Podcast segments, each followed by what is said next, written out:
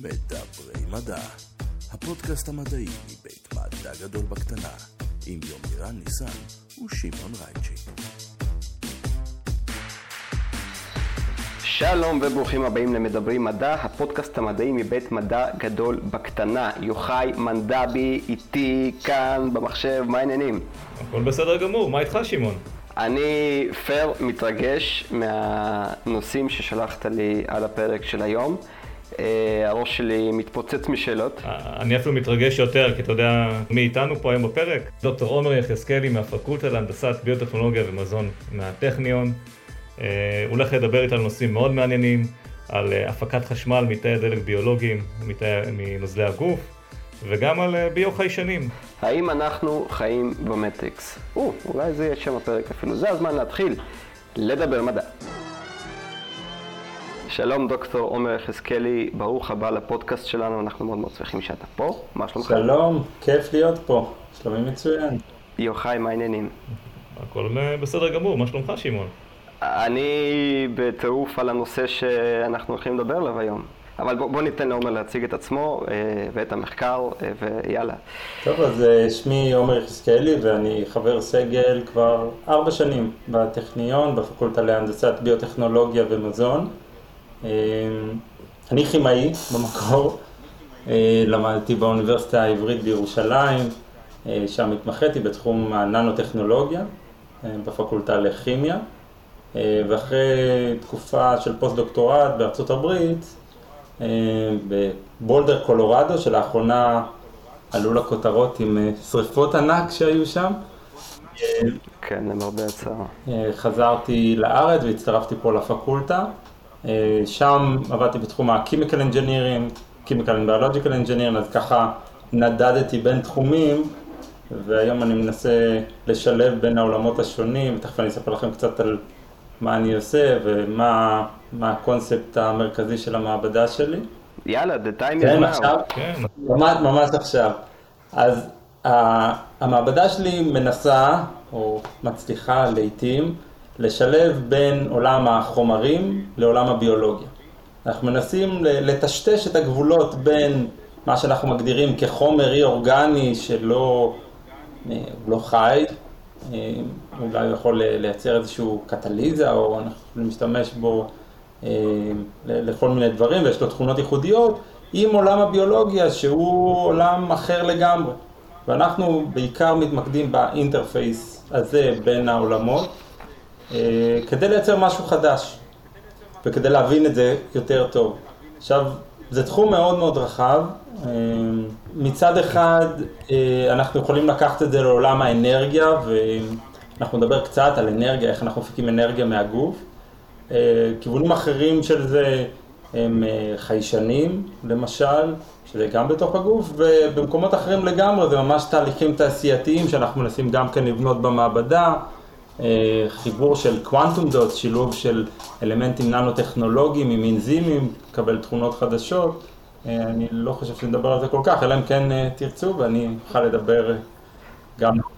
המוח שלי עכשיו פותח עץ אה, של נושאים של ננו-טכנולוגיה, מדע חומרים, כימיה, קוונטום דוטס וכו'. אה, אתה יודע, יצא שאנחנו הרבה בתקופה האחרונה מתעסקים אה, בפודקאסט אה, גם בביולוגיה, אבל בהמון המון המון דברים קטנים שעושים דברים אה, סופר מורכבים, כמו להפיק אנרגיה בצורה יעילה. אה, וכו', אז אה, בוא תספר לנו על ה... אני, אני אולי אה, עוד איזה משפט אחד אה, לפני, התחומים, בכיף. התחומים היום פשוט אה, מתממשקים אחד לשני. בעבר היה כימאי אורגני והיה ביולוג והיה איש של חומרים, והתחומים לא נגעו כל כך אחד בשני. אה, והיום בעצם, כדי להגיע לשלב הבא של המדע, אנחנו צריכים לשלב ביניהם, וגם אנחנו כחוקרים הופכים להיות יותר, אה, אנשים יותר מורכבים. ואני אוהב להציג המולטי דיסציפלינריות, אנחנו חוזרים לזה שוב ושוב פה, והרבה אורחים שלנו איכשהו מביאים אה, שילובים של עולמות. אז, אז הנה, אתה עכשיו זרקת לפחות... אה, אז בעיניי זה בעצם, אנחנו, יש לי כלים בלגו, שזה תאים, אנזימים, ננו חומרים, ואני פשוט בונה עם הלגו הזה ומנסה לייצר אינטראקציות חדשות ומבנים ממש כמו עם הבנים שלי. כאן בבית לפעמים. אז, אז מה, מה בעצם אנחנו מנסים לעשות במחקר? חלק ממה שאנחנו מנסים לעשות במחקר זה לקחת אנזימים, שאנזימים הם מכונות נהדרות עם יכולות ייחודיות לקטלז איזושהי ריאקציה. לקחת חומר אחד ולהפוך אותו לחומר אחר. אנחנו מתמקדים בעיקר באנזימים של חמצון חיזור, שיש בתוכם איזשהו אתר פעיל שאפשר לחמצן ולחזר אותו, אה, כחלק מה, מהתהליך הקטליטי, ואנחנו מחברים אותו אל האלקטרודות על ידי שימוש באלמנטים ננו-טכנולוגיים, אה, אה, למשל ננו חלקיקי זהב או ננו חלקיקים אחרים, ואלקטרודות, שהמטרה שלנו בסופו של דבר היא להעביר או להמיר אנרגיה אה, כימית לאנרגיה חשמלית. אה, כשאנחנו, אתם זוכרים את הסרט מטריקס, אה, יוחאי? כן. בדיוק עכשיו כן, ראיתי את האחרון. אז האחרון אני... כן, שאומרים שהוא הפסיד 100 מיליון. אתה בעצם... אבל... אתה בעצם מפתח את הטכנולוגיה שהמכונות יוכלו להשתמש בנו בתור סוללות. אז ממש כך, אה, יש את הסצנה הזאת הקצת אה, מבהילה, שאנחנו, שמראים ככה את כל אה, האנושות נמצאת בתוך מכשירים ששואבים מהם את החשמל, וזה נראה מופרך לחלוטין, אבל למעשה זה די אפשרי בסופו של האמת שאני זוכר שהדיבורים על זה היו אפילו לפני הסרט מטריקס. אני זוכר שהיה איזשהו שעון שטען שהוא אה, עובד על, אה, על הפקת אנרגיה מחום הגוף ומאנרגיה קינטית של הגוף. אה, אז זה לא תחום ממש חדש. זאת אומרת, גם המטריקס התבסס על רעיונות מדעיים כאלה. כן, תראה, מה שאתה מדבר עליו זה צורות אנרגיה אחרות, אבל פה אנחנו ממש מדברים על הכימיה של הגוף, על הכימיקלים שנמצאים אצלנו בגוף, מרכיבים אנליטיים שלנו, כמו גלוקוז, כמו לקטט ואחרים. אה, אבל גם זה... תגיד, אנחנו, הגוף לא צריך את החומרים האלה בשביל להפיק אנרגיה? השאלה, אנחנו, הכמויות שאנחנו צורכים בשביל האלמנטים האלה שאנחנו נפעיל, הם לא, כל כך, הם לא משפיעים על הגוף. אולי בכמויות אדירות, כמו בסרט מטריקס, זה כן יכול להוות בעיה, אבל לא בשלב ה... נוכחי. אז, אז אולי, אולי נתחיל בעצם עם ה, איזה שימושים אה, אתה רואה בעצם בטכנולוגיות מסוג זה אה, בעתיד. נכון שנגיע עוד שנייה ממש למנגנונים, אבל אולי כדי לתת למאזינים שלנו קצת אה, רקע והבנה באיזה סוג של שימושים אנחנו רוצים להשתמש בזה. חוץ מהמטריקס. חוץ מהמטריקס. אז הרעיון המרכזי הוא לאפשר הפעלה של Biomedical Devices. מכשור היום, למשל מקוצב לב, דרך uh, מערכות חישה היום שאנחנו צריכים להפעיל על הגוף, אנחנו מדברים על uh, אה, IoT ושהכול יתממשק ושנוכל לשדר את זה הלאה, אז אנחנו צריכים בטריות, סוללות שיפעילו את כל הדברים האלו. ואת הסוללות האלה צריך להטעין, ואנחנו רואים שכבר היום התלות האינסופית שלנו בסוללה של הפלאפון, ובהמשך זה יהיה למכשור נוסף, היא בעייתית. ותחשוב על אופציה אחרת, שאתה פשוט תדביק מדבקה על היד שלך, זה אפילו לא חייב אולי להדביק, זה יכולה להיות החולצה שאתה לובש, תהיה קצת צמודה, והיא תדע להשתמש בחומרים שאתה מפריש על האור, למשל לקטט, ופשוט תחמצן אותו ותפעיל איתו את החיישן שיבדוק לך את הדופק ואת את הזיעה או פרמטרים אחרים שחשובים לך, ואולי גם את הגלוקוז אם זה חשוב. ומחלת הסכרת רק מתפשטת עוד ועוד, אז כנראה שזה גם יהיה חשוב לנו. וגם תשדר את זה לפלאפון ומשם לרופא, וזה ינטר אותך כל הזמן, וכל הדבר הקצת מפחיד הזה אולי, אה, אבל תן המון אינפורמציה. אולי מפחיד במבט ראשון, אבל אם חושבים על כמה סוללה זה דבר מקביל היום בהתקנים שכן יש, כמו קוצב לב, אה, אם אתה פותר, בעצם מוציא את הבעיה הזאת מהמשוואה או מגדיל אותה בכמה סדרי גודל, אה, זאת אומרת אין, אין גבול לדמיון, אנחנו כנראה, ש, מי שבאמת ימציא את הדברים הגדולים יהיה איזשהו שוק חופשי שייווצר כתוצאה מהיכולת, כמו שבעולם אה, אחר, טסלה, שבעצם ניסתה לפתח סוללות יותר טובות לרכבים, פתאום נהייתה חברה שמתעסקת המון באגירת אנרגיה, פשוט כי טכנולוגיית הסוללה שלה אה, כל כך mm-hmm. מתקדמות. אז אני, אני מסכים איתך שהאלמנטים שנשתמש בטכנולוגיה הזאת עוד לא הומצאו, עוד אנחנו לא יודעים מה הם. כרגע אנחנו מדברים על אה, מוצרי ביומדיקל דיווייז כאלה ש, שיוכלו לנטר אה, אנליטים חשובים בגוף, אבל כנראה שזה יהיה הרבה מעבר לזה. אני כבר בהרצאת דוקטורט שלי, כשעבדתי בתחום, אז הוספתי כזה אוקיי, נוכל להפעיל קוצב לב, אבל כנראה הרבה יותר חשוב לנו להטעין את הפלאפון. זה היה, היה לי איזה סכמה מצחיקה כזו, אה, זה רק החמיר מאז. אה. יש כבר היום המון שימושים שבעזרת הפתרון מסוג זה נגיע לסוג של שגר ושכח. למשל, אה, מכשירי שמיעה, היום הם מתעסקים בצורה יומיומית בהחלפת סוללה. ופתרונות מסוג זה יכול פשוט לשפר את האיכות חיים של המון אנשים. שפשוט צריכים לתפעל את הנושא של ההטענה וזה יהיה חלק בלתי נפרד מהגוף שלהם, בעצם נהיה סייבורגים. סייבורגים זה ממש... נהיה כמו הרובוטריק, כמו סאונדווב שיש לו קלטת. שיוצאת מהגוף, אז... אם אתם חושבים גם העיניים, היום אם צריך לעשות איזשהו תיקון, אז גם תא דלק ביולוגי כזה יוכל לתת את הסיגנל החשמלי כדי להפעיל אה, רכיב אופטי שישב בתוך העין, ואגב, כבר בנו תא דלק ביולוגי ויראו שאפשר להפעיל אותו בנוזלי העין. אז זה לא מופרך לחלוטין מה שאנחנו מדברים. אני עוד מעט אספר גם על הבעיות, כי יש מלא בעיות ואנחנו עוד לא שם. אני רוצה שתספר לנו איך זה נעשה, מה, מה הטכנולוגיה שמאחורי זה. ויש פה המון מונחים שנזרקו, כן. תא דלק, אה, אנזימים זה אולי מונח שאנחנו שומעים הרבה, אבל אה, הוא לא נגיש לכולנו. אוקיי, אה, בואו נתחיל כן. עם תאי דלק, אה, לפני שנגיע לתאי דלק ביולוגיים.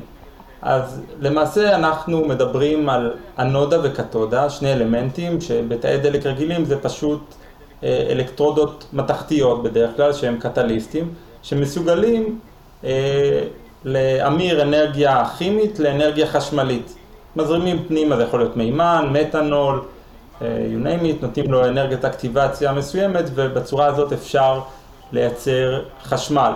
ותאי דלק זה עולם שלם אה, בתחום האנרגיה, אה, ש, שאולי תהיה אנרגיה עתידית שישתמשו בה יותר ויותר, וחשוב מאוד בעולמות האלה להכניס אנרגיה נקייה, אתה חייב להכניס אתנול נקי או מתנול נקי, כי הקטליסטים האלה עוברים זיהום שהורס את הפעילות שלהם לאורך זמן. לעומת זאת, מה שהמחקר שלנו מתמקד באנזימים. אנזימים מסוגלים גם לבצע קטליזה ממש כמו המתכות האלה, רק בדרך כלל באופן מאוד מאוד ספציפי וסלקטיבי. זה אומר שגם אם יהיה המון המון מרכיבים במערכת, רק הרכיב שאותו אנחנו נרצה לחמצן, רק הוא יתחמצן על ידי האנזים, אה, והוא יקטלז את הריאקציה שאנחנו רוצים בדרך כלל ביעילות מאוד מאוד גבוהה. אה, עכשיו, כדי שזה יקרה, אנחנו צריכים, ואם אנחנו רוצים לייצר מזה אנרגיה, אנחנו צריכים את האנרגיה החשמלית הזו שעוברת לאתר הפעיל, שמחזרת את האתר הפעיל, אנחנו מקבלים את האלקטרונים אל תוך האנזים, אנחנו צריכים למשוך אותם אל עבר האלקטרודה. והדבר הזה הוא לא כל כך פשוט. ברגע שניקח אנזים ונחבר אותו לאלקטרודה ונפעיל איזשהו מתח הפעלה ראשוני, אה, אתם יודעים מה יקרה? אנחנו כנראה אנחנו לא. נשרוף כנראה את האנזים לפני שנצליח לקבל ממנו אנרגיה. אה, כי צריך... כי, הוא בעצם ייווצר זרם רגעי מאוד גבוה, הוא ייטען באלקטרונים, הוא יעבור סייקל אחד, אבל האנרגיה כדי להעביר את האלקטרונים מהאתר הפעיל, אה, או קצב מעבר האלקטרונים מהאתר הפעיל לאלקטרודה הוא מאוד מאוד איטי וצריך פוטנציאל יתר אדיר כדי להפעיל אותו. ומה שעושים למעשה משנות ה-60 כבר, כשהתחילו את המחקר בתחום צימוד אנזימים לאלקטרודות, זה איך פותרים את הבעיה הזו. אה, יש את משוואת מרקוס שמסבירה לנו שהמעבר אלקטרון, קצב מעבר המטען, תלוי במרחק. ולכן אנחנו צריכים מרחקים מאוד מאוד קצרים בין האתר הפעיל של האנזים לאלקטרודה. הבעיה שהאנזים בנוי אבולוציונית בצורה מבודדת. הטבע לא רוצה קצרים חשמליים, ורוב האנזימים שלנו הם מבודדים חשמלית. למשל האנזים גלוקוז אוקסידז שהוא אנזים עיקרי שבונים ממנו תאי דלק ביולוגיים, הוא יודע לקחת גלוקוז ולחמצן אותו לגלוקוניק אסיד, והאלקטרונים מתוך האתר הפעיל שלו, ה-co-factor FAD, צריכים לעבור לאלקטרודה. אה, כדי שזה יקרה, אנחנו צריכים מרחק מאוד מאוד קצר בין האלקטרודה לאנזים, ואת זה אי אפשר לעשות על ידי צימוד האנזים. בכל דרך שנעשה את זה, זה לא יקרה. אז אה, יש מספר דרכים אה, לעשות את זה בכל זאת, שפותחו במהלך למה זה לא יקרה בעצם? כי המרחק גדול... אולי, אולי כדאי שנרחיב קצת על מה, זה בדיוק אנזים, כדי. שיהיה לנו מושג כן, מה קורה. כן, אתה צודק. אז אה, אנזים הוא בעצם חלבון, חלבון עם שרשראות של חומצות אמינו, שמקופלות בצורה ייחודית, שהתפתחו עם האבולוציה. בדרך כלל לאנזים כאלה יהיה אתר פעיל עם איזשהו אה, אלמנט נוסף, אבל לא תמיד, אה, זה יכול להיות... אה, מתכת, זה יכול להיות יוני מתכת, זה יכול להיות מולקולה ייחודית, אם אנחנו מדברים על אנזימי חמצון חיזור. אתר פעיל, הכוונה היא, כלומר, כשהאנזים הזה ייתקל במולקולה מסוימת, הוא יקרה לו משהו, הוא יבצע איזושהי כן. פעולה. האנזימים, כל אנזים על פי משהו אבולוציונית נוצר, הוא מסוגל לייצר אינטראקציה, קודם כל מאוד ספציפית עם חומר אחד, שיודע להיכנס רק הוא לתוך האתר הפעיל, והוא מסוגל גם... מכאן הסינון בעצם נכון, שדיברת עליו מקודם. נכון, הסלקטיביות הגבוהה, והוא מסוגל להוריד את אנרגיית האקטיבציה ולאפשר את הריאקציה, שריאקציה שבאופן טבעי לא הייתה מתרחשת בקבועי זמן סבירים.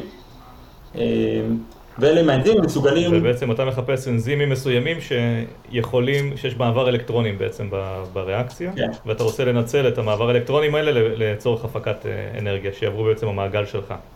נכון, אז המחקר שלנו, התאי דלק הם מתחילים קודם כל ממחקר של תהליכי חישה, אני בוחר איזה אנליט אני רוצה שישמש כדלק שלי. שבמובן הזה הוא גם, הוא גם אנליט והוא גם דלק, אנחנו תכף אה, אולי ניגע בהבדלים. אה, ואז האנזים יודע בספציפיות מאוד גבוהה למשל לקחת גלוקוז ורק לחמצן גלוקוז. עכשיו האתר הפעיל הרוויח את האלקטרונים שהוא לקח מהגלוקוז ואם אני אדע אה, לייצר ויירינג שלו, של האלקטרונים האלה אל האלקטרודה, אני יכול לייצר זרם חשמלי. אה, ולמה אתה לא יכול להצמיד את האנזים לאלקטרון? כי המעטפת של החלבון, החלבון עצמו הוא לא מוליך חשמלי, ולכן הוא מבודד. פשוט זה כמו שיש לנו בכבל אה, חשמל, יש לנו PVC שעוטף אותו, האלקטרונים פשוט לא יכולים לעבור בצורה. והמרחק שאתה מדבר עליו נובע בעצם רק מעובי המעטפת הזאת? אה, כן, כן, זה משהו... וגם התכונות ה... אה, המוליכות הנמוכה מאוד של החלבון. אם ניקח גלוקוז אוקסידז, שזה אנזים שעיקרי, אז המרחק הזה הוא די 1.2, 1.3 ננומטר, בסך הכל מהאתר הפעיל אל מחוץ לאנזים, ולא ניתן, אה, אה, עשו פעם חישוב מה יהיה קצב מעבר האלקטרון בצורה הזאת, זה ייקח 100 שנים כדי שהאלקטרון יעבור בלי mediator, בלי איזשהו מתווך שידע להעביר את האלקטרונים בצורה יעילה. זה ממש קוונטום אה, tunneling מה שקורה שם? אז, אז אה, אין, אין quantum tunneling דרך המערכת הזאת, אתה יכול ליצור מערכות שיאפשרו tunneling. למשל צימוד של ננו חלקיקים שישבו ויאפשרו את, אה, מה, את המעבר הזה. אוקיי, אז, אז מה הפתרונות? אז מה הפתרונות? אז אה, מתישהו אה, בשנות ה-60 התחילו להשתמש באיזשהו מידיאטורס כאלה בתמיסה, לנסות להעביר את האלקטרונים מהאנזימים האלה, אנזימי החמצון חיזור, היו מערכות ראשונות, הכל בתוך התמיסה, ויש עבודות ראשונות אפילו מאמצע שנות ה-60, אה, זה לא כל כך התקדם, ולקראת אמצע שנות ה-90 היה איזושהי קפיצה אדירה בתחום הזה של תאי דלק ביולוגיים. די פרופסור אדם אלר, הוא אחד המובילים אה, בתחום, אה, שהוא סיפור מעניין בפני עצמו, שאולי נפתח את זה אחר כך, אה, שהוא למד באוניברסיטה העברית ועבר לאוסטין, טקסס אחר כך, ושם המשיך את רוב הקריירה שלו, פיזיקאי במקור, והוא הציע להשתמש ברדוקס מידיאטור ולהעביר את האלקטרונים, בעצם לחבר על האנזים קבוצות חמצון חיזור חיצוניות, מולקולות שמבחינת הפוטנציאל מסוגלות לקבל את האלקטרונים מהאתר הפעיל. ואז ברגע שהאלקטרונים יוצאים החוצה, מעברי האלקטרונים קצרים, עכשיו האנזים הזה יכול להעביר את האלקטרונים לאלקטרודה בצורה יעילה ונקבל זרם חשמלי. אה, ובצורה הזאת אה, למעשה אפשר לבנות אה, לראשונה חיישנים יעילים לגלוקוז למשל, כי הזרם הוא ביחס ישר לכמות הגלוקוז במערכת. אז בעצם, בהמשך גם... כדי, אני אומר, רק, רק כדי גם להבהיר, כי בעצם עצם העובדה שהאנזים הוא מאוד מאוד ספציפי, אז, אז השלב הראשון זה לזהות שקרה משהו, ואז אתה רואה איזשהו זרם חשמלי, והשלב הבא זה בעצם להשתמש בזה לאנרגיה. ככה שני התחומים קשורים. כן, זה מתחיל מחיישן וממשיך ל... אה, להפקה. אז בעצם יש לנו אה, משהו בחוץ ש, שיודע לשאוב את האלקטרונים האלה באופן אה, אה, יותר אגרסיבי. והמערכות האלה בעצם גם, once שמת אותם, כמה זמן אנזים כזה יכול לחיות? זאת אומרת, כמה זמן המערכת הזאת תתפקד ללא... אז זו שאלה מצוינת והתשובה היא מורכבת. אה, אנזימים בסך הכל הם, הם די יציבים, אם לוקחים אנזים כמו גלוקוז אוקסידז, הוא בתנאים שלא יהיו פרוטיאזות וכולי, יכול להחזיק אה, שבועות, אה, חודשים אולי, ולעבוד. הבעיה שעל אלקטרודה הרבה פעמים מאבדים את הפעילות, כי האנזים לפעמים משנה קונפורמציה כשהוא נמצא על האלקטרודה, ואפשר לייצב את זה, תכף אני, כבר יש מוצרים היום בשוק, נדבר על זה, על ידי שימוש בפולימרים, אבל יש מגבלה כזו, אה, ואנשים מנסים היום אה, או לבנות אנזימים יציבים יותר, או לבנות מעטפת שתשמור על האנזים בצורה טובה יותר. היום יש כבר אלקטרודות כאלה שמחזיקות מעמד חודשים. מעניין. האם יש אה, עבודה של הנדסה גנטית בעצם של אנזימים רק למטרה הזאת? כלומר, האם יש התפתחות בנושא הזה? אז זה חלק מהכיווני מחקר. כן, מנסים, רוב המחקר התמקד בדווקא איך ליצור תקשורת חשמלית, לשנות כמה חומצות אמינו, דיברנו על זה שהאנזים בנוי משרשראות של חומצות אמינו, אז אם נשנה את החומצות אמינו, שיפתחו לנו איזשהו חלון לתוך האתר הפעיל, אז נוכל לייצר תקשורת חשמלית ישירה. אז אה, בעיקר העבודה של אה, אה, העבודה הביוטכנולוגית מתמקדת בזה, בליצור תקשורת חשמלית ישירה, אבל גם לעיצוב, לשנות ואולי להוסיף קשרים אה, אה, דיסולפידיים למשל, שיצבו יותר את האנזים וכך הוא לא יתפרק על האלקטרודה. אתה יודע, דיברנו גם על מולטי דיסציפלינריות, אחד הפרקים הראשונים שבהם זה עלה, היה הפרק על סימולציות חלבונים במחשבי mm-hmm. על. אז אה, גם נושא מאוד אה, מולטי דיסציפלינרי וגם אני מניח שזו אחת הטכניקות לנסות אה, לחזות. הרי הקושי פה הוא בעצם מה קורה כשאתה משנה חומצת אמינו אחת, החלבון יכול להתקפל בצורה מאוד מאוד שונה. איך, איך בעצם אתם ניגשים לשאלה הזאת של לשנות חומצות אמינו ולדעת מה תקבלו? אז, אז יש לזה כל מיני גישות, זה פחות אה, המחקר שלנו, הכיוונים האלו. אה, בעולם יש מספר מעבדות שעושות את זה, לפעמים זה מין rational design, אנחנו יודעים שהאתר אה, הפעיל נמצא לעליית חומצה אמינית 158, אז אם נוסיף, נוסיף שם ציסטאין, עכשיו נוכל לקשור את הקבוצה הזאת אה, בצורה טובה עם הכוונה לאלקטרודה.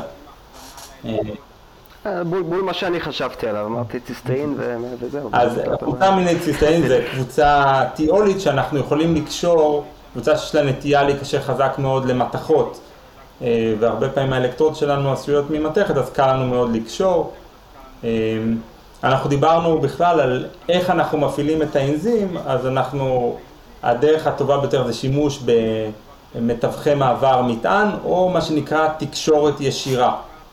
אז אפשר לשתול אה, אלמנטים של חמצון חיזור, בעצם מתווכי מעבר, מין שאטלים כאלה, רכבת שתדע להעביר את האלקטרונים מהאתר הפעיל אל האלקטרודה, אה, ו, ופותחו המון המון אה, שיטות בתחום הזה, בין השאר שימוש בפולימרים, לקחת איזשהו פולימר פולימר בנוי מאיזושהי תת יחידה כימית שחוזרת על עצמה, שיכול להיות עליה קבוצות פונקציונליות שאנחנו יכולים לחבר אליה מה שאנחנו רוצים. ואם נחבר את המתווכי מעבר מטען האלה שדיברתי עליהם קודם אל הפולימר ונכניס פנימה לתוך המטריצה הזאת את האנזים שלנו, בעיקר אם הפולימר הזה סופח גם מים, אז אנחנו יכולים עכשיו בעצם גם להגן על האנזים וגם להעביר את האלקטרונים מהאתר הפעיל אל האלקטרודה ובצורה כזאת לייצר זרם חשמלי. בצורה הזאת אדם הלר באוסטין טקסס בנה בעצם את החיישן האמפרומטרי הראשון שתיווך באופן ישיר את האלקטרונים אל האלקטרודה. פתח חברה שהפכה אחר כך להיות מוצר שנמכר לאבוט ב-1.2 מיליארד דולר וזה החיישנים המוצלחים ביותר היום לחולי סכרת. מי שחולה אז הפרי סטייל זה המוצר שהוא פיתח. שלצערנו חלק נכבד מהאוכלוסייה משתמש, אבל זה רק להראות איך פיתוח כזה נהיה לשימוש יומיומי שמציל חיים. כן. יש לי שאלה, דיברנו על הדברים ברמת האנזים, ברמת החלבון, איך זה נראה בפועל? זאת אומרת, אתם לא מכניסים אנזים בודד, מה המוצר, איך הוא נראה, או איך אורזים את זה בכלל, איך יודעים לאן זה הולך ומתקשר נכון עם הגוף שמאכלס אותו? אז אני צריך בכל זאת ללכת שלב אחד אחורה, זו שאלה מצוינת. אנחנו עד עכשיו דיברנו על האנודה.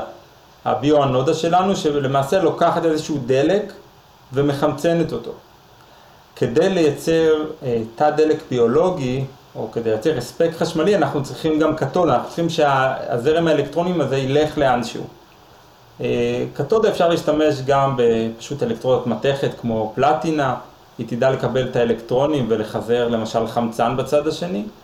אבל אנחנו במעבדה משתמשים באנזימים, אנזימי חמצון חיזור, שיודעים לקבל חמצן, לקחת חמצן ולהפוך אותו למים. בצורה הזאת גם למשוך את האלקטרונים שיצרנו בצד השני.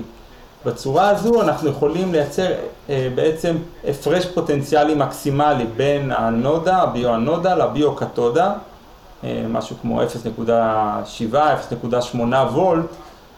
שזה מתח עבודה כבר שאפשר לעשות איתו משהו.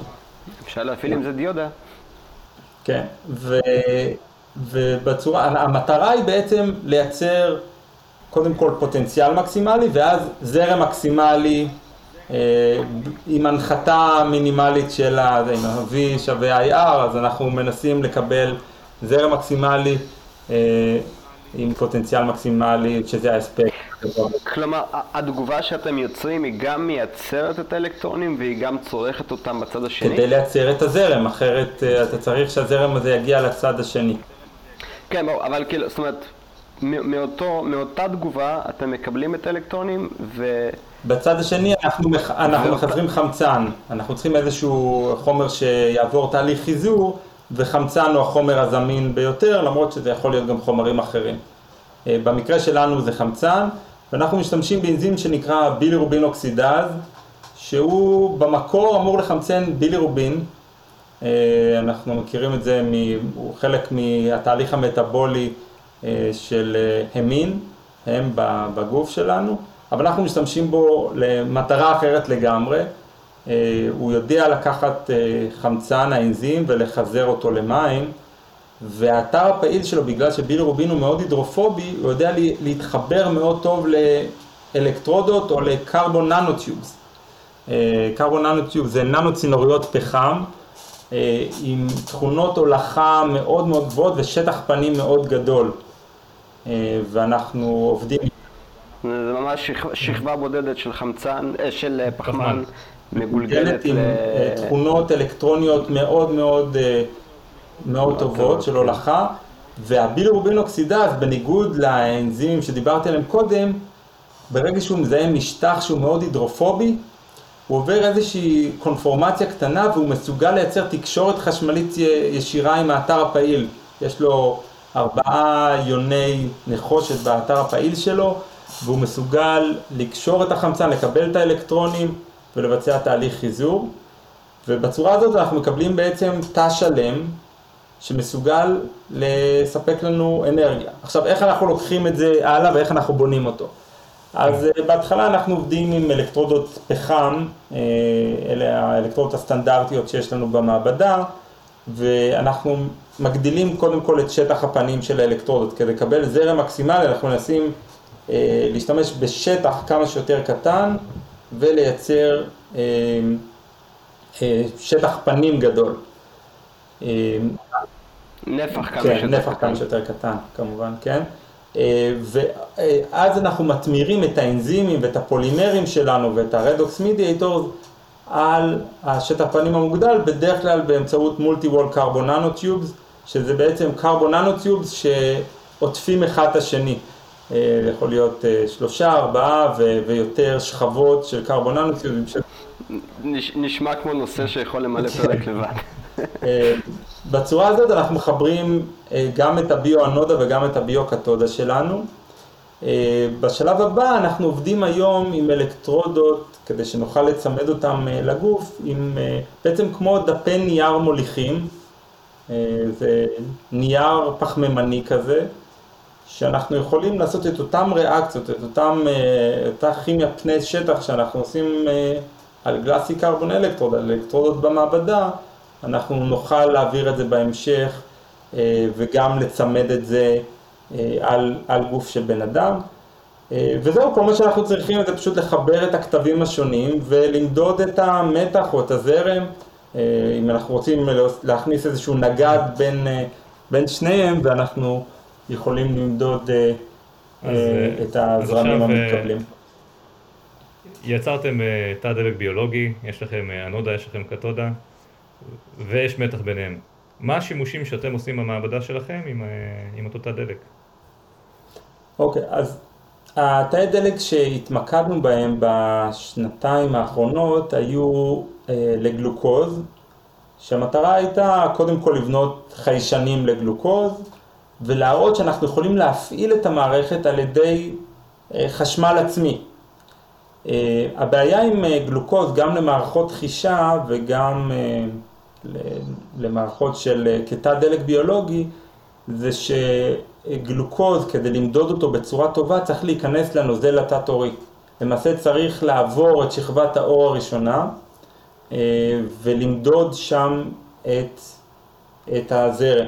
אנחנו יכולים למדוד אותו גם בדם, אבל דם הרבה יותר מורכב להגיע אליו. ועל זה, זה אנחנו עבדנו, אנחנו עבדנו בנוזל שהוא דמה ל-ISF, ל-Interstitial Fluids שיש לנו מתחת לאור, כדי לראות שהאנזים שלנו באמת פעיל, והרבה פעמים גילינו שהוא לא, ואז היינו צריכים להוסיף שכבת הגנה נוספת על, באמצעות פולימרים כדי להגן על האנזימים, כי האנזימים האלה שנספחים עליהם כל מיני חלבונים אחרים יכולים לאבד פעילות.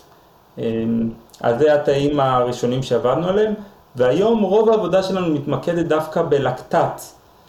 אז אה, לקטט הוא חומר דלק מעולה, אה, הגוף שלנו מפריש אותו בריכוזים אה, די, די גבוהים, זה יכול להגיע עד ל-25 מילימולר על האור שלנו, ועכשיו כבר לא צריך להיכנס מתחת לאור, משהו פולשני שזה יותר בעייתי כדי לספק אנרגיה. אה, אז הוא זמין, גם כשאנחנו לא מזיעים, אומנם זה חלק מתהליך הזה, עדיין יש לנו כמה מילימולר של אה, לקטט על האור וזה המון דלק בשביל התאים שלנו. באמת? זה, זה, זה, זה כן, מספיק? כן, מילימולר זה המון, זה, זה בסדר גמור אה, כדי להפעיל תאים ולייצר אספקטים. אז בעצם החיישן זה איזושהי פיסת אלקטרוניקה שיש לה מה, איזשהו ציפוי של, ה... של אותו חומר, של, אות... של אותם אנזימים עטופים בכל אז, ה... אז החיישן שלנו זה אלקטרודה, יכולה להיות מכל חומר. אחד הדברים היפים בטכנולוגיה שאנחנו פיתחנו, שלא אכפת לנו כל כך מה, מה האלקטרודה. צריכה להיות חומר מוליך, אבל זה יכול להיות זהב, זה יכול להיות חומר פחמימני ו... ואחר. ועליו אנחנו סופחים, אנחנו מחברים בעצם את המולטי וול קרבון ננו-טיובס, שאליו אנחנו מצלבים את האנזים שלנו עם מוליך מתווך מעבר מטען שנמצא על האלקטרודה, ואת זה אנחנו מכסים באיזושהי שכבת פולימר, אנחנו משתמשים הרבה בפולידופמין, אבל יש לנו גם טכנולוגיות אחרות שפיתחנו במעבדה. אז פולידופמין, ברגע שמעלים את ה-pH, זה מולקולה דופמין, אנחנו מכירים אותה בתור אה, חומר בגוף, כהורמון שמעביר סיגנלים, אבל הוא יכול להתפלמר אה, באופן אה, טבעי, והוא יוצר לנו בעצם שרשראות ששומרות לנו על האנזימים, בעצם מייצבות את האנזימים שלנו על האלקטרודה. ובצורה הזאת אנחנו בונים גם ביו-אנודות וגם ביו-קתודות כאלה. ואת זה אנחנו יכולים לצמד לאור ולמדוד אה, אה, זרמים. אנחנו עכשיו אה, מנסים לבנות איזושהי מערך של בדיקות, לעבור לשלב הבא ולהגיע ולמדוד את זה על אנשים. עד היום אנחנו בודקים את זה במעבדה, אבל המטרה שלנו זה כבר... בדקתם את זה על איזשהו ייצור חי? לא. או שזה אנחנו עוד לא בדקנו את זה, אנשים בעולם בדקו על חלזונות, על אה, לובסטרים, על אה, ענבים, כל מיני דברים מאוד, כי הרגולציה היא החלק הקשה לקבל את כל האישורים. אה, בדרך כלל אנשי הטכנולוגיה הם פחות אנשי הרפואה, ואני בדיוק עובר את השלב של הלימוד לאיך לעשות את זה בצורה טובה. כן, והם בטוח לא אנשי רגולציה. כן, אז למרות שהנה, יש לנו פה את יוחאי, שהוא אה, האיש... כן, טוב, אז אנחנו נמשיך אה, אולי לשוחח אה, אחרי הפודקאסט שלנו היום, כדי ללמוד את זה קצת יותר טוב. אז, אז כן, זה, זה השלב הבא, איך אנחנו מפעילים את זה על, על אנשים, את האלקטרודות, ולשפר כמובן את ההספקים ואת היצ... זה, זה מקבל יחס של מה? של תרופה, של... מערכת אה, רפואית חדשה? כלומר, כשאתה אומר שיש מגבלה בעצם, מה... ברגע שרוצים לעשות ניסויים... איך, איך, איך, איך, איך, איך רואים את זה ב, בעולם האמיתי כמה? אז זה מכשור רפואי, אבל uh, מכשור רפואי שצריך לעבור, כדי לעשות ניסויים בבני אדם, אתה צריך למלא טפסים, צריך לעבור uh, רגולציה, קודם כל בטכניון. הניס... והניסוי הוא בעצם להצמיד לבן אדם מכשיר ל... אנחנו רוצים לבדוק שאנחנו מסוגלים למשל למדוד לקטט לאורך זמן, להפעיל את מדידת הלקטט על ידי החשמל שאנחנו מייצרים, שזה למעשה ללא איזשהו רכיב חיצוני. אז אלה הדברים שאנחנו רוצים לעבוד עליהם היום. אמ, גם לכמה זמן אנחנו מסוגלים לעבוד עם זה. היום אנחנו, יש לנו מספר ימים בשלב שבו אנחנו נמצאים, אנחנו יכולים אה, להראות פעילות שלושה ימים ברציפות, שזה די מרשים, אני, אה, לא היה לנו את זה לפני, אה, כשאני הייתי סטודנט לא, לא הגעתי ל, לרמות האלו, אה, ואנחנו רוצים גם את זה לשפר, ואנחנו יודעים שזה אפשרי. גלוקוז אוקסידז במכשיר חישה היום העלו את הרגולציה, זה היה שלושה ימים שהיה אפשר לעבוד עם זה, זה עלה לשבוע והבנתי שזה עכשיו אמור כבר לעבור לשבועיים שאפשר יהיה להשאיר את זה בתוך הגוף והוא ייתן מדידה. מאיפה הקפיצות האלה הגיעו? מה, מה גילו? אז, אז הדברים א' לא ידועים לגמרי, אבל זה בעיקר אה, פולימרים שמייצבים את האנזים ומייצרים אה, יכולת להגן עליו שהוא לא יתפרק אה, בתוך, בתוך הגוף, שלא יספחו עליו חומרים, אז צריך פולימרים שמונעים ספיחה אה, של מרכיבים של הגוף. זה נשמע לי כמו צעדים מאוד ראשונים בטכנולוגיה שאנחנו אה, בעצם, לפי איך שאני מבין את דבריך, יש כל כך הרבה אופציות של איך אה, לפתור את כל הבעיות האלה, גם של ההולכה, גם של העיצוב, ובעצם אה, הולכים על מה שכרגע ידוע, על מה שמבינים, אבל uh, גם פה עושה רושם שבעצם ה- היד נטויה ו- ו- ויבוא יום ותהיה איזה קפיצת מדרגה משוגעת כשאנשים באמת ינצו בזה את השיניים uh, באופן מסיבי. אה, אני חושב שכן, תראה, צריך פה אלמנטים שונים. מצד אחד יש את האלקטרוכימאים שהם יודעים לבנות את התאים האלו, מצד שני צריך את הביוטכנולוגים שידעו קודם כל אה, למצוא את האנזימים הייחודיים שיוכלו לבצע את הריאקציה. מה שייחודי בעבודה שלנו זה שאנחנו עובדים עם אנזימים שהם לא רגישים לחמצן. אז אה, אה, כל מה שתיארתי קודם שנעשה בעבר, או, רוב העבודות, כולל המסחריות שקיימות היום, זה חיישנים שחמצן מפריע להם.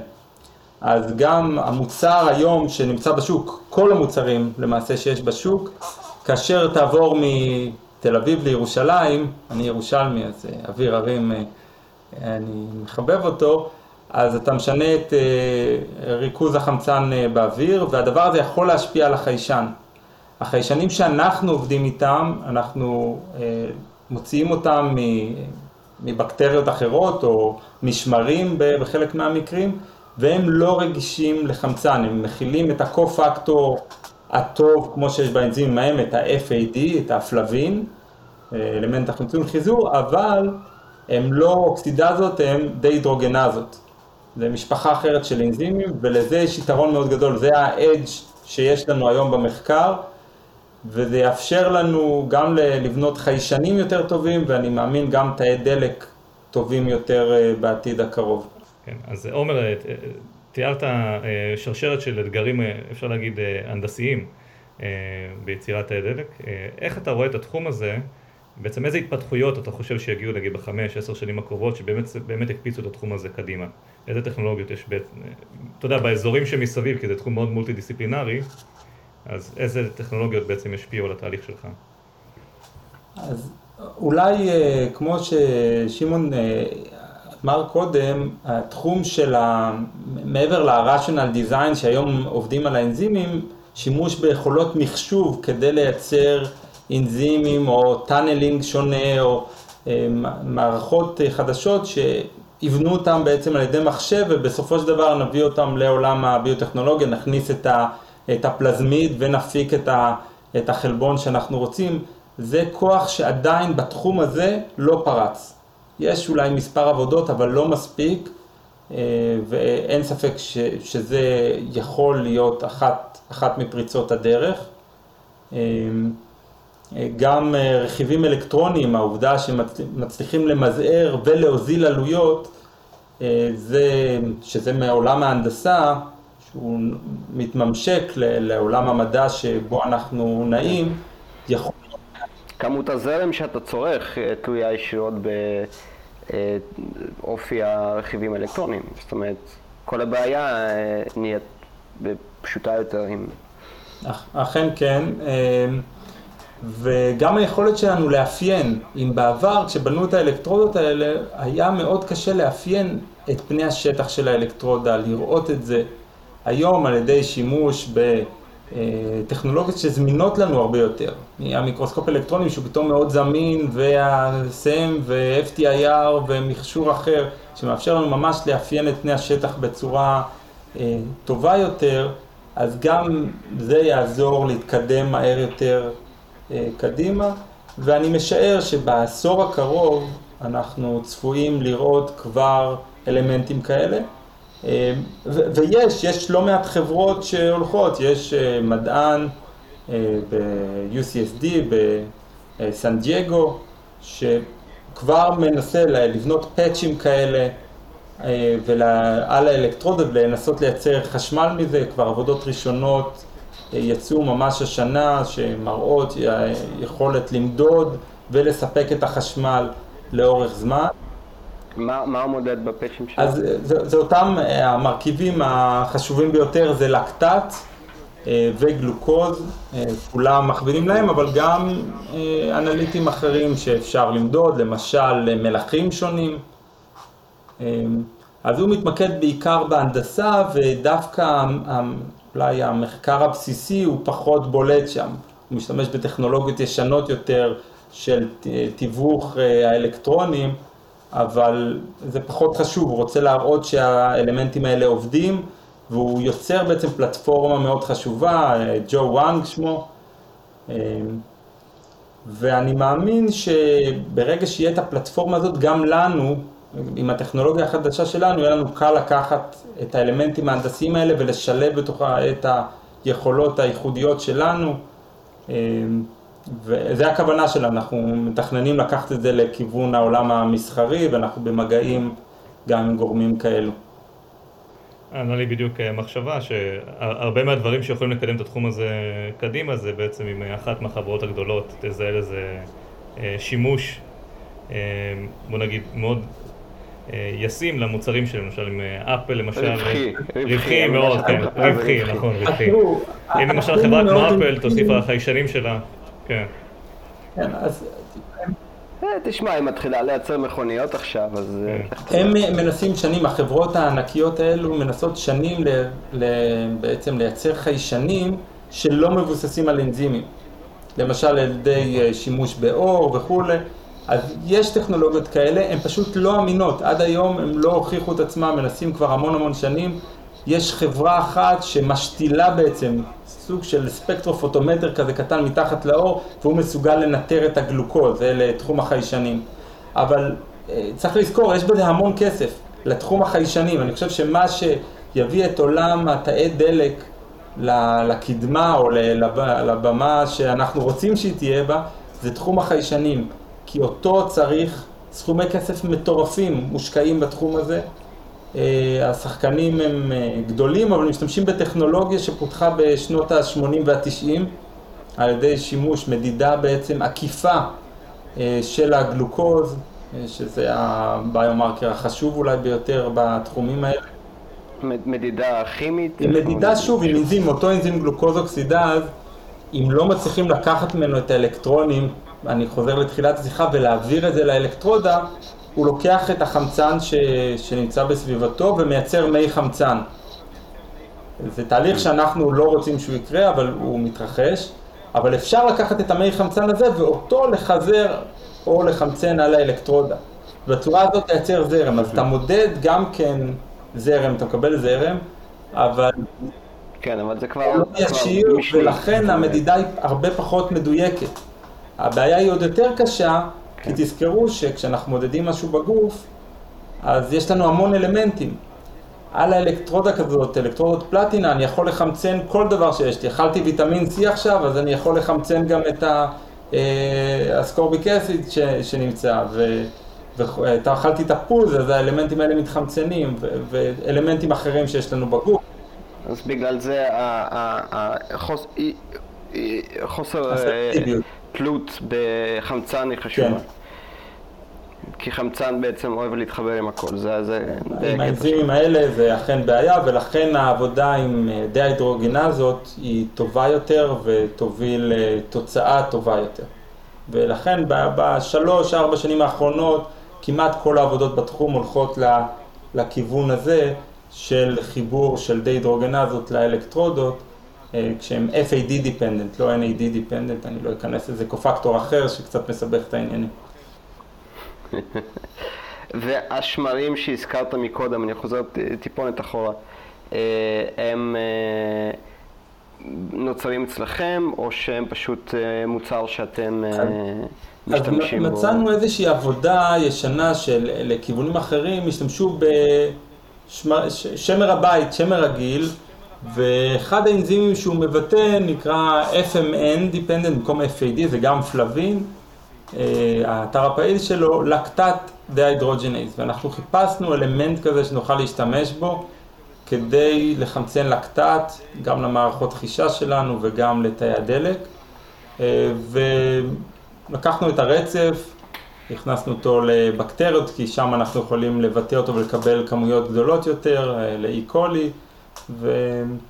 ובצורה הזאת ביטאנו את האנזים, אפיינו אותו, ובהמשך למדנו אותו, אנזים מאוד מיוחד, אנחנו מסוגלים בו לייצר גם תקשורת חשמלית ישירה, למעשה מהאתר הפעיל, וגם תקשורת חשמלית מדיאטד, אבל דרך אלמנט פנימי שלו, יש לו קבוצת הם באנזים הזה, שהאתר הפעיל מעביר את האלקטרונים להם, וההם יכול להוציא את האלקטרונים החוצה ישירות לאלקטרודה. מאוד מעניין, ממש עבודה שנמצאת עכשיו בשיפוץ, שלחנו אותה לפני מספר ימים. אז אנחנו ראינו שהוא מסוגל, האנזים, להעביר את האלקטרונים ישירות לאלקטרודה בצורה יעילה, אבל עדיין על ידי שימוש במתווכי מעבר מטען חיצוניים, אנחנו יכולים לקבל זרמים גבוהים יותר, וזה גם משהו שאנחנו בוחנים. ניסינו אה, להוריד בעצם את הקבוצה הנוספת, את הסאב יוניט הנוסף שמכיל את ההם, כדי לראות האם אנחנו יכולים לשפר את הזרם בצורה הזו, וגילינו שלא. האנזים פשוט גם פחות יציב וגם הזרמים יותר נמוכים. אה, הטבע אוהב אה, שלא לא נוגעים בו יותר מדי, אה, ואת כל הדברים האלה אפיינו, אבל ראינו שאנחנו יכולים לבנות תאי דלק שמסוגלים להגיע להספקים של מילי אמפרים, שברי מילי אמפרים, עם לקטט, שזה, שזה די גבוה למערכת אינטגרטיבית. שמע, עומר, אתה אה, פתחת פה גם, כאילו אני, אני ברגשות קצת אה, מבולבלים, כי, כי כמו שאמרתי בהתחלה, היינו ליד הרבה מהנושאים שדיברת עליהם במשך אה, הרבה פרקים מהפודקאסט הזה. וכמו שהרבה פעמים קורה, אתה בא ואתה פותח לנו חלונות חדשים לחלוטין, לעולמות חדשים, ל... גם ברמת השימושיות, מה זה אומר על העולם שלנו העתידי שבו אנחנו נחיה, וגם כמובן ברמה המדעית והטכנולוגית, ואיך לוקחים דברים קיימים. משהו שהוא באמת מולטו-דיסציפלינרי. מולטי-דיסציפלינרי בצורה יוצאת דופן, לא, לא יוצאת דופן, אלא, אלא לשם הכל היום הולך, כמו, כמו, כמו שעומר, אתה אמרת בהתחלה, פעם זה היה אה, נושא X ונושא Y, והיום לך תדע איפה הכימיה נגמרת, הפיזיקה מתחילה, והאם יש לזה בכלל משמעות, כי צריך לדעת אה, קצת מהכל. אה, והשארת אותנו עם טעם של אה, עוד, ולדעת אה, מהם השימושים הראשונים שיצאו מהמעבדה שלכם. כמובן אנחנו מחזיקים לכם אצבעות בניסויים עם הבני אדם, בתקווה שתקבלו את כל האישורים הזמינים. שמתישהו נגיע לזה, כן. כשתגיעו לזה, ואנחנו כמובן מזמינים אותך להתארח. שוב לספר לנו על ההתקדמויות אה, ש, שתגיעו אליהם, ואני בטוח שהדרך אה, ארוכה ורצופה אה, דברים מאוד מאוד מאוד מעניינים. אז תודה רבה לדוקטור עומר יחזקאלי, תודה רבה ליוחיים. תודה לכם, נהניתי לשוחח איתכם, אני מקווה שהדברים היו קוהרנטיים מספיק, קפצנו מהרבה נושאים, מהרבה כיוונים שונים. המאזינים שלנו הם אנשים עמידים, הם והן, אה, אתה יודע, אה, רק רוצים לשמוע עוד ועוד, והם לא יודעים שובע, ואני בטוח שהפייסבוק שלנו אה, יופצץ בשאלות. זה רמז אליכם, המאזינים והמאזינות שלנו, להיות איתנו בקשר בכל המדיות. החברתיות הזמינות, יש לנו גם... מתנדבים שרוצים אה, לספק אנרגיה לעולם אה, מנוזלי הגוף שלהם. אה. אתה יודע, אנחנו בתקופה כזאת של... הרבה, איך לקרוא לזה בעדינות, אנטי-מדע ברשתות החברתיות, על שבבים שמושתלים בחיסונים, אבל איכשהו אנחנו הנה, אני רוצה להשתין שבבים. ואתה יושב ומתווכח בפייסבוק אנשים, אומר זה בלתי אפשרי, הבעיה העיקרית היא סוללה, אתה יודע איזה גודל סוללה, רק הטלפון שלך, והנה אתה בא ואומר, לא, תשמע, אנחנו, טובי המוחות עובדים על זה. הכל כמובן למטרות טובות, כי מדע הוא בדרך כלל דבר חיובי. יוחאי מנדבי, אה, תודה לך על מי שאתה, אה, על עוד פרק נהדר. אנחנו נשתמע עם כולכם אה, בעוד זמן קצר בפרק הבא של מטאבלי מדע. עד אז, אה, תהיו בריאים ונשתמע. ביי ביי.